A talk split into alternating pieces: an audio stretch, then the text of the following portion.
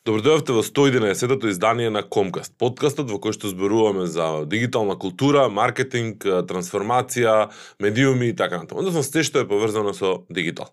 Ова е шесто издание, односно шеста епизода поред која што ја реализираме под капата на темата дигитална трансформација. И реализираме заедно во партнерство со А1 Македонија компанијата која што има најбрзата мобилна мрежа на територија на Република Македонија. И извеглавме неколку различни теми. Направивме и пауза, не фати малце пандемија, повторно бран, втор, пети, седми, осми. Меѓутоа и понатаму сме сведоци на голем број на промени што се случуваат и во нашето секојдневие. Голем број на понуди, голем број на различни, да речеме, канали, комуникацијски, технички, технолошки, кои што промени кои што се случуваат во нашите компании, помали и поголеми. Јас на почеток реков во првата епизода кога дефиниравме дигитална трансформација дека одново и одново ќе се вртиме, ќе се вртиме, ќе се вртиме, ќе ги зборуваме едните исти работи во круг. И тоа мора да биде така, затоа што основата е таа, затоа што почетната точка е таа. Ако тоа се промаши, тогаш не може ништо да очекуваме на крај.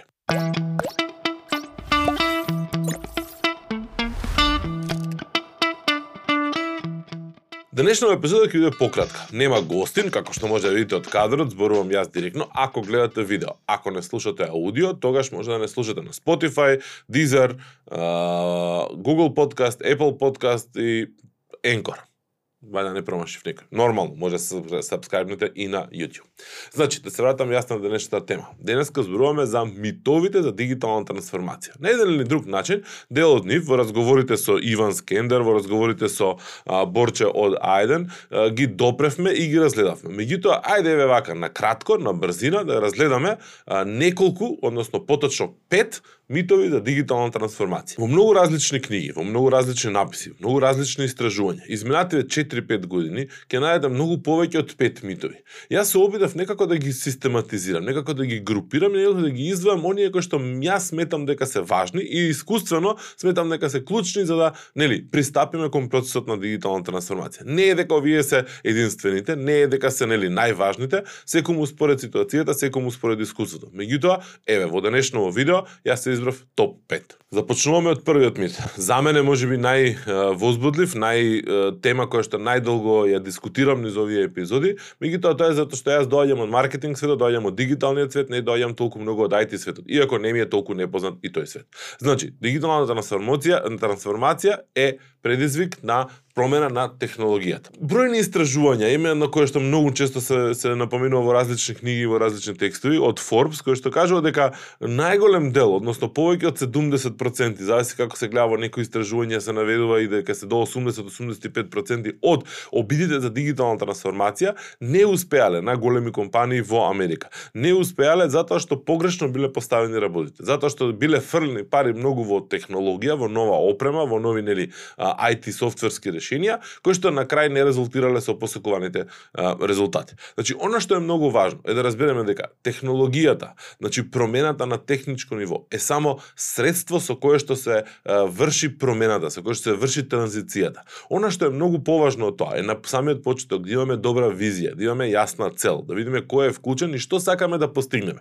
Кога ќе го измапираме тоа искуство, кога ќе го измапираме тоа journey, односно патешествие кое што треба да, предиз, да предизвика таа трансформација, информација, всушност едно по едно ќе ни се поклопат коцките за тоа која технологија, кој тип на дигитални алатки или кана, или средства и така натаму, компјутери, можеби клауди и така натаму, ќе ни ги решат нашите проблеми. Значи, да повториме, технологијата е неизбежно парче од решението на процесот што се нарекува дигитална трансформација. Меѓутоа сам по себе, сама по себе таа не е трансформација. И тука веднаш се надоврзуваме на митот број 2. Митот број 2 е всушност дека дигитална трансформација и дигитализација всушност е една иста работа. Не е точно. Повторно ќе се поврзам на претходното. Значи дигитална трансформација е процес кој што подразбира многу повеќе од промена на само нели технологија која што се користи, од кратење на некакви процеси. Дигитализација подразбира да ние всушност кратиме некаков процес на на време на подготовка, да го е, е, направиме поефикасно нели некакво производство, некаква дистрибуција и така. Меѓутоа само по себе тоа не значи дека го менува бизнис модел. Само по себе дигитализацијата не значи дека ние всушност сме понудиле нешто различно, нешто ново. Можеби сме понудиле подобра услуга, меѓутоа не е различна услуга која што се адаптира на потребите на корисниците. Многу еден добар класичен пример, иако не е компанија, иако не е бренд, мислам мене дигитализацијата на образованието во Македонија. Во неколку обиди, Министерството за образование носеше одлуки да купи компјутери, да купи таблети и така натаму. При тоа, воопшто не менувајќи го пристапот кон образованието. Значи, менуваше само алатка средства преку кое што се конзумира истата содржина и очекуваше дека тоа ќе вроди некаков различен плод. Ветуваше дека аха, ова сега ќе донесе некаква разлика во образованието. Образовниот процес остана ист. Темите што се обработуваат, начинот на кој што се работи со децата, начинот на кој што работат самите наставници, едукативни работници, образовни работници, не се промени. И не може парче технологија да внесе промената. Значи, начинот на размислување нема да се да се да се промени. Оценува образувањето, начинот на споделување знаење, начинот на прикажување, односно пренесување или а, демонстрирање на, на знаење и разбирање не се промени. Така да, парче технологија, дигитализација, не значи и дигитална трансформација. Митот број 3 се однесува на промена на, нели, бројот на работни места со дигитализација. Многу луѓе стравуваат дека автоматизација, дигитализација, дигитална трансформација, како, нели, капа на сето да тоа, всушност ќе придонесе за намалување на бројот на работници на одредена во одредена компанија, во одредена фабрика фабрика и така натаму. Што во голем број ситуации се покажал како неточен. Значи да, под закана се одреден тип на работни места, не сите под закана се оние работни места кои што исклучиво а, се нели во позиција да бидат заменети од робот, од машина, од автоматизација. Значи, оние ниско профил, профилни а, а, позиции, односно позиции каде што а, мануелната работа, повторувачката работа е единствената работа која што ја прави работникот. Тие работни позиции секако дека се под закана. Меѓутоа тоа си далеку од дека се тоа најголемиот дел од работните позиции. И тоа не значи дека ако таа работна позиција е скратена, дека нема во исто време време тој процес на дигитална трансформација да отвори нови работни места или различни работни места кои што може би дел од овие а, вработени работници ќе може да ги ќе може да ги пополнат. Зборувавме и во а, предходните епизоди со Борче, во кој што тој ги изложи примерите кај ни во Центарот за грижа за корисници во, во Ајден, Македонија, дека всушност, нели, со сите тие канали различни отворени, со сите тие ресурси кои се ставени достапни на, на интернет и така натаму, со а, Славко, роботот и така натаму, дека се намалил бројот на а, а, агенти кои што директно треба да обслужат да обслужат нели а, корисници. Меѓутоа, а, во исто време нивниот одел бележи раст во поглед на луѓе кои што треба да ги анализираат тие процеси, да ги напредуваат тие процеси. А кој подобро би знаел да ги работи тие работи, ако соодветно се надрги, ако не луѓето кои што израснале или ги работеле со години назад, токму токму таа грижа на корисниците. Па, да, оттаму, а, опасност за намалување на работни места, за отпуштање постои, меѓутоа само кај оние така наречени low skill, или со ниски со ниски работни вештини места каде што нели физичката, механичка, повторувачка работа може многу лесно да се замени со некој тип на автоматизација. Инаку според некои истражувања се наведува дека до 2030 година 75 милиони до 30 375 милиони работници во основа ќе треба да се унапред ги унапредат своите вештини а, за да може да одговорат на работните позиции на кои што се наоѓаат или ќе се ќе се наоѓаат. Затоа имаме толку многу и подем на неформални образованија, имаме толку многу голем подем на различни курсеви, на различни а, нели програми, академии, не само локално, не само регионално, туку и глобално, и затоа голем број на луѓе во својата да речеме условно речено поодмината животна кариера или работна кариера се одлучуваат за унапредување на своите знаења, за промена на својата професија, за да се прилагодат на нели она што пазарот го го бара. Секако сведоци сме дека имаме недостаток, сериозен недостаток на а, квалитетна а, вешта работна а, сила низ не само во нашата држава, не само во регионот, туку и во Европа а, и пошироко. И тоа не е некој резултат на тоа дека леле сега дигитална трансформација, све се дигитализира, а, немаат луѓе работа. Напротив, а, има работа, меѓутоа вештините кои што треба да ги поседуваат луѓето се различни, се понапредни, се пософистицирани и нели треба еден период во кој што да расположливата работна сила ќе всушност ги ги стекне тие вештини за да може да одговори на барањата на пазарот.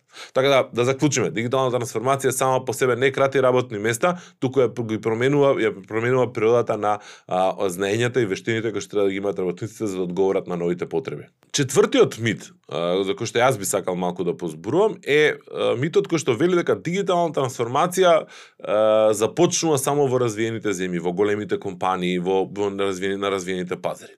И ова е апсолутно неточно. И ќе искористам еден а, пример. Да, може би во голем број ситуации пристапот до технологија, пристапот до до нели ресурси, до фондови и така натаму е многу поголем и порасположлив кај за нели во развиените општества, меѓутоа голем број меѓутоа голем број на иновациите се случуваат во ситуации во кои што немате излез, во ситуации во кои што имате ситуација на пазарот кој што мора да најдете решение и многу често и технологијата и дигиталната трансформација се решение. На пример, многу често се користи кога се зборува за дигитална трансформација примерот со Африка и како со години наназад мобилната телефонија таму е клучно решение за обслужување на еден куп банки, финансиски други типови на, на, на услуги и нормално владени владени услуги. Тука особено предничат банките и нивните финансиски услуги. Африка е ненаселена земја, односно ретко населена земја и нема толку многу развиена инфраструктура на патишта, на градови и слично и со тоа се отежнува комуникацијата и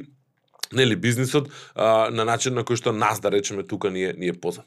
И тогаш луѓето имале потреба да иновираат, да најдат начини како да ги надминат тие препреки, а да можат успешно да да го спроведуваат своето своето работење.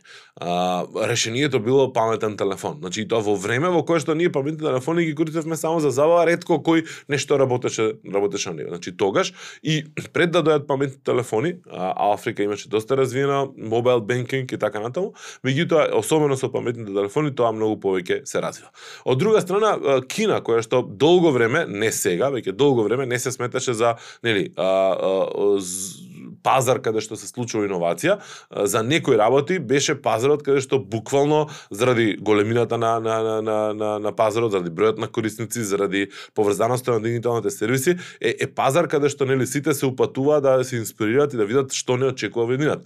Класичен пример ви оние а, супер апликации така наречени а, како WeChat и слично, кои што и ден денеска западниот свет се уште не може да стигне до тоа ниво да ги ископира, односно да ги развие за да може да да ги да ги примени. Можеби никогаш и нема да може да се развијат во таа форма, затоа што природата на пазарите а, западноевропски и а, американски се различни, меѓутоа повторно иновацијата, тие ситни еден куп детали кои што денеска ни, ни, ни да речеме доминираат во јавниот дискурс, земете го TikTok како пример, всушност доаѓаат од Кина, што повторно не е класичен пример дека аха помали или понеразвиени пазари, меѓутоа не е очекуван пазар од до пред 5-10 5-10 години. А, еден многу интересен локален пример, прилично стар, меѓутоа е повторно доказ за ова што го зборувам дека иновација, односно употреба на технологии таков така наречен ајде да, да да прошириме трансформација, доаѓа од места каде што можеби не очекувате, е еден многу интересен пример кој што пред многу години, па може има повеќе од 15 години, го сватив работејќи во една друга организација. А, кога сватив дека во Шутка, во Шуто Ризери, во Скопје, а, голем број од куќите имаат лаптопи и имаат интернет. Значи, зборуваме за трошни куќи, капе вода од секаде, не баш многу имотни семејства кои што се на работна екзистенција, меѓутоа има компјутер, лаптоп и интернет. И е, некако ми дојде чудно, не можев да сватам зошто е тоа така. И после некој време со во разговор со некој од локалците таму, сватив дека нели тие имале интернет кафиња и користеле интернет таму, меѓутоа тие кои користат овие средства за да договараат свадби меѓу другото. Се зборуваме за пред 15 години, не знам како е сега тоа. Нормално се има мобилни телефони, персонална комуникација, меѓутоа во тоа време немаше толку многу паметни телефони, немаше воопшто паметни телефони и лаптопот беше најперсоналната алатка за комуникација на далечина и немаш да ти свадба да договараш во во кафеч, во интернет кафеч, пошто тоа некако не е интимно, не можеш да го преговараш, пак се цени упрашање и слично. Барем така тогаш мене ми објасна и одеднаш ти станува логично и јасно зошто секоја куќа има лаптоп и тоа пред македонците или ајде да речам не пред македонците, да меѓутоа пред општата популација да почне да се префрлаат масовно на лаптопи и подоцна на на паметни телефони. И да повторам уште еднаш, мит број 4. Дигитална трансформација не доаѓа од онаму каде што очекуваш. Многу често доаѓа и од пазари, од места каде што најмалку очекуваш. Затоа немојте да се фокусирате да ги гледате примерите кои што ги гледаме само од Силиконската долина или од некои развиени западни земји за паметни градови и така натаму. Гледате онаму каде што луѓето имаат вистински проблеми, каде што имаат реални проблеми, каде што биле со соочени во се соочени со ситуација во која што морале да изнадат решение, решение кое што ќе значи екзистенција, кое што ќе значи напредок и така натаму. И последниот мит за денеска во оваа условно речено кондензирана кратка епизода е митот број 5, кој што вели дигитална трансформација е процес кој што брзо се завршува. Луѓе мислат дека сега ќе направат план, ќе направат некакви чекори 1 2 3 4 6 месеци, една година ќе изнакупат опрема, ќе нели сменат некакви определби и стратешки планови за својата компанија, ќе вклучат некакви канали и тука завршува завршува приказката. Апсолутно неточно. Значи, до сега јас не верувам дека постои компанија која што може да каже, е, ние сме завршиле со дигитална трансформација, сега сме 100% дигитално трансформирана компанија. Затоа што дигитална трансформација подразбира всушност да бидеме способни на промени, да бидеме адаптибилни, да бидеме компанија, заедница, нели, организација која што може лесно да предвиди и да реагира на промени. И тоа значи дека тоа се случува континуирано. Тоа не значи дека ние сме завршиле со трансформација. Тоа значи дека ние сме се подготвиле да работиме агилно, да работиме врз основа на ултрадинамичните процеси на пазарот. Кој можеше до пред 2-3 години да предпостави дека оваа година и минатата NFTs ќе биде нешто, блокчейн ќе биде нешто, дека еден куп, не знам, а, фудбалски тимови, а, а, дигитал овакво фешн брендови и така натаму ќе се вклучат во таа дигитална економија, дека ќе понудат свои дигитални токени, свои дигитални пари, дека ќе се појават еден куп други различни канали каде што ние ќе можеме да имаме додадена вредност на а, самите дигитални добра. Значи, тоа е само еден а, еден дел од она што ни се случува. А, кој можеше да предпостави дека а, точно оваа технологија толку брзо ќе се развива или нема да се развие. Ние сме свесни за аугментативната или поршената реалност и а, дека се зборува дека ќе биде тренд последниве 15 години. И се уште некако никако да дојде тој момент за тренд. Така да Идејата е дека дигитална трансформација не е процес кој што трае 3 месеци, 6 месеци. Не е ни процес кој што трае една година. Дигитална трансформација е процес кој што може да започне во период од година две.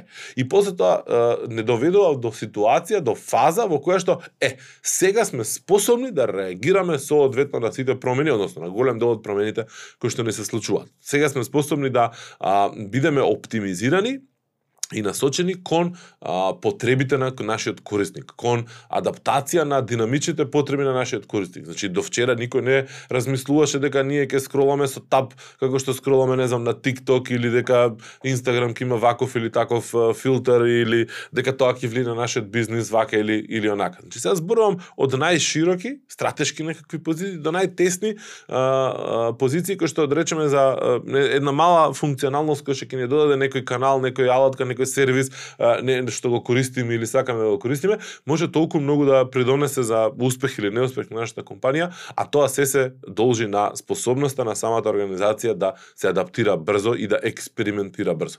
Многу често се дискутира за тоа за експерименти за експериментирањето дека тоа може да се го дозволат само големи компании, се зборува дека а, дигиталната трансформација е само за големи enterprise, односно корпорации, компании што повторно сега оваа пандемија, а, а, за жал пандемија, меѓутоа тоа за среќа ни покажа дека трансформација и промена на бизнис модели и брза адаптација всушност е многу полесна кај малите компании и е многу по да речеме очигледна, брза, а, а, ефективна кај помали компании отколку кај поголеми. Големите нормално имаат ресурси и план да го тоа прават како процес, како нели сериозно организиран процес, затоа што а, генерално многу поспоро реагираат. Меѓутоа малите не се исклучок. Тоа е уште еден да речеме 5А мит тоа дека дигиталната трансформација важи, односно е, е важна само за големи компании. Не е, малите и те како е, се лидери многу често на различни типови на иновации, различни типови на трансформации кои што понатаму ги инспирираат големите да е, пробуваат и да експер... и да нели прават различни други е, експерименти е, со модели и со пристапи кои што предходно воопшто не им текнале. Толку за денеска пет митови на брзина кондензирани, некои да работи ги повторуваме, некои ги зборуваме, и тоа чувствував потреба да демистифицираме повторно нешто што а, одново и одново се случува и се и се зборува.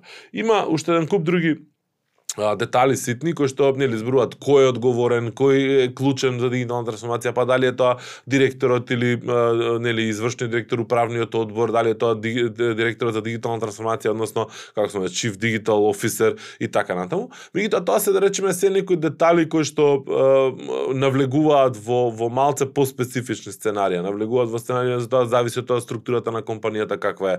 е има митови кои што се поврзуваат и со тоа дека само IT компаниите или технолошки ориентираните компании може да се трансформираат и така натаму, што повторно е а, нормално нели нели неточен и така натаму. Така да а, нека ви послужи ова како мотивација, како инспирација да во основа продолжите да чепкате и да размислувате дали имате јасна визија, дали имате а, јасна цел кон која се стремите во во вашиот процес на дигитална трансформација или се тоа само нели куп на алатки кои што сте рекле еј чекај сега сите имаат апликација ќе направиме и ние апликација. Дали вие сте а, лидери во таа иновација во вашиот сектор или чекате а, реактивно некој да направи нешто од конкуренцијата па вие после тоа да реагирате кога веќе ќе имате некаков тип на доказ дека пазарот е спремен за такво нешто. Сите овие работи всушност се многу важни важни за да а, бидеме а, свесни де, а, кои работи може да придонесат за успешна или неуспешна дигитална трансформација.